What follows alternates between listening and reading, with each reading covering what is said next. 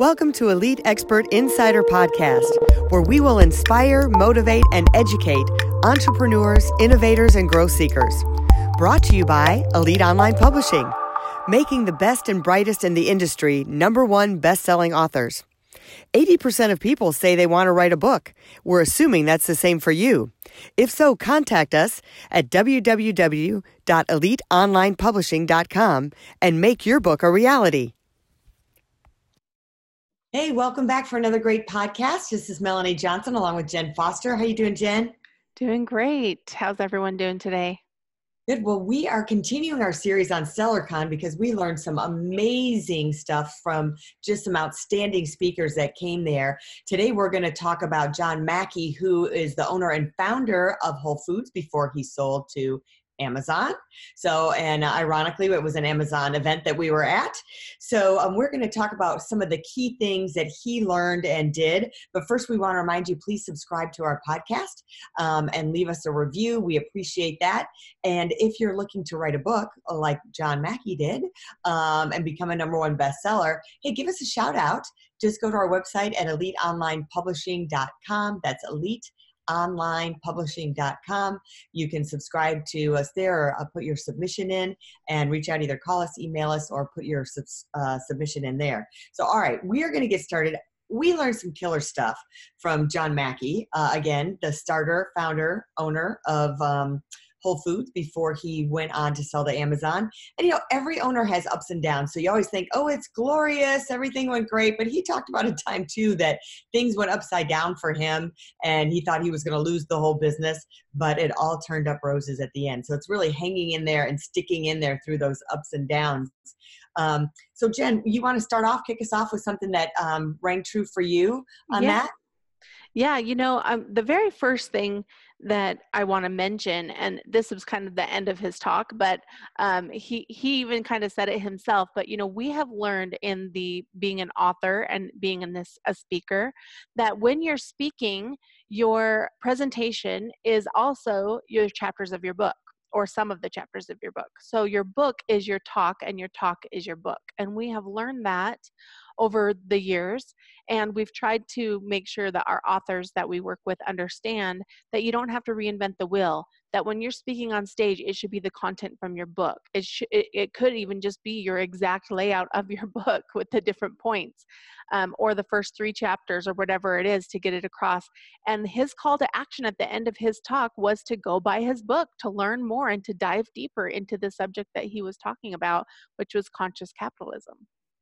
Yeah, I think that is so well said. So many times authors are like, I don't know what to write about, or, you know, for a business owner. And it's, hey, pick the product or the platform that you're the most passionate about, that you get the biggest return on investment for. And that's what you need to be writing about. And you got to say, this is how I want to brand myself. I want to brand myself as. So John Mackey, outside of Whole Foods, is branding himself as the conscious capitalist, and um, and it was very compelling. And the funny thing was, he was like, "If anyone's a socialist here, you need to leave the room now." I thought that was kind of funny. But um, obviously, I'm sure there were a lot of liberals as well as uh, conservatives there in that audience, and but nobody left the room. They all wanted to hear what he had to say. So I thought that was uh, pretty cool. Well, I think, I think I think the biggest thing too is when people talk about capitalism I think they get confused with another word because I was asking my kids and I told them about the talk and I said because he did mention that millennials don't believe in capitalism. And I asked my kids, I said, Do you know what capitalism means? Do you know what a capitalist is? And I think they're getting communist mixed up with capitalist because they said that they thought that it was like you know, where there's somebody in charge, like someone's in charge of you, you know? Like a dictator, which is the exact opposite. You know, a capitalist is running their own business and calling their own shots. wow, wow. That's really that's interesting with everything that goes on in the news, how things can be uh, misunderstood um, at that young age, and that's getting they're con- making that connection, and it's hard to break the connection that capitalism can be good um, I mean, we embrace capitalism because we have our own business and we wanted to be entrepreneurs. So, um, one of the other things I would say that he drove home was having value for everyone. So he was saying, have it be a valuable experience. Like you say, well, your customer's going to get value from my product. But he said, everyone should get value through the whole process and grow and feel good about it and feel appreciated. And so, what did that mean? He said, from your supplier, your supplier should get value and feel well basically feel the love. Your customers should feel the love. Um, any group that you're involved with should feel appreciated and loved and get value out of it. So it's kind of that whole scheme look at your business. Everyone that you touch should be able to feel your culture and get value from it. So that was one of the big things that i think um, really hit home for me was to make sure that that happens. Right. Well and I, and I was thinking back you know like if I talk to my nieces who are millennials and I ask them, what does capitalism mean to you? I don't think they would really understand what that, I don't think they would tell me what they, you know, that they know that it means free enterprise and being able to make your own money or have your own business or having this business open up and this, you know, not having monopoly, all of those kind of things that go into, you know, capitalism. But I thought one of the great things that he talked about was just the history history of the economics of our country. And he talked about, you know, from 200 years ago, uh, 90% of people were poor. And six, so then he went through the different countries and the percentages. And then he talked about how because of capitalism, we are ending poverty on earth. So in 2019, now we're not in poverty, right? They're not even close. And I don't have the exact numbers, but check out his book, and he has graphs and and pictures to show you the difference between 200 years ago and today. And it's all because we've had free enterprise and capitalism. We've been able to create our own wealth. Yeah, over the last 40 years, I think it's been um, that poverty levels are the lowest they've ever been in history. Um, so if you take 2019, but it's not, it didn't just fall off in 2019, it's been gradually getting less and less. So he's saying we're having less people. There's always going to be poverty um, because you have people who are of mental illness and um, addiction issues and things like that. There's always going to be some poverty. But he said, so a lot of those people have moved up to the middle class. And then what's happened is the, a lot of the middle class has opened up to the upper class.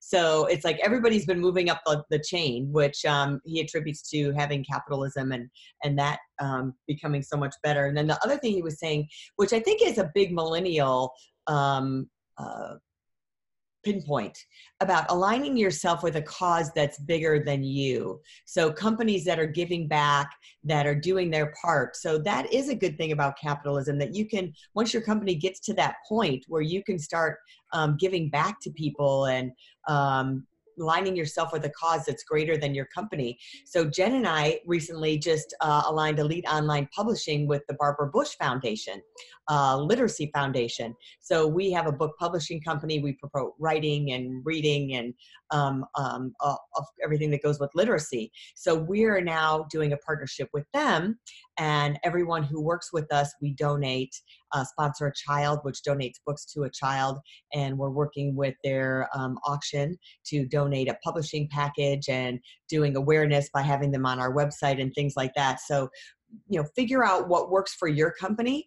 And sometimes you may be like gosh i don't have the funds to write a check to these companies but what do you have? Do you have time to donate?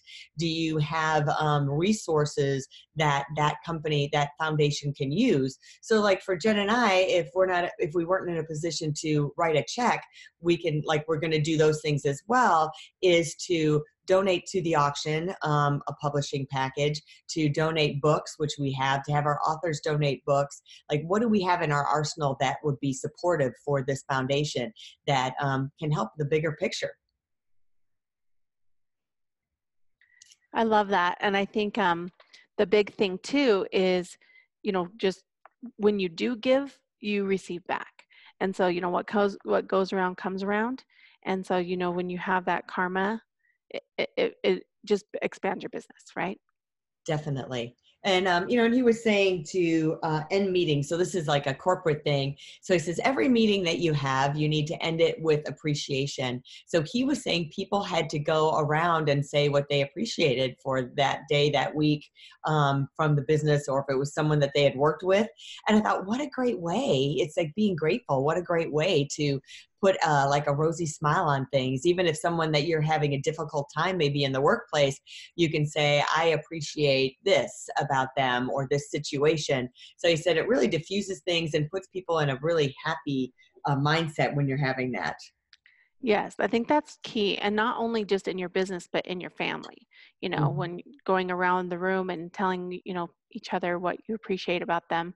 You know, my son does um, Ultimate Frisbee. And if you've ever watched Ultimate Frisbee, what they do at the end of the game is they get both teams together in a circle and they talk about the wins of the game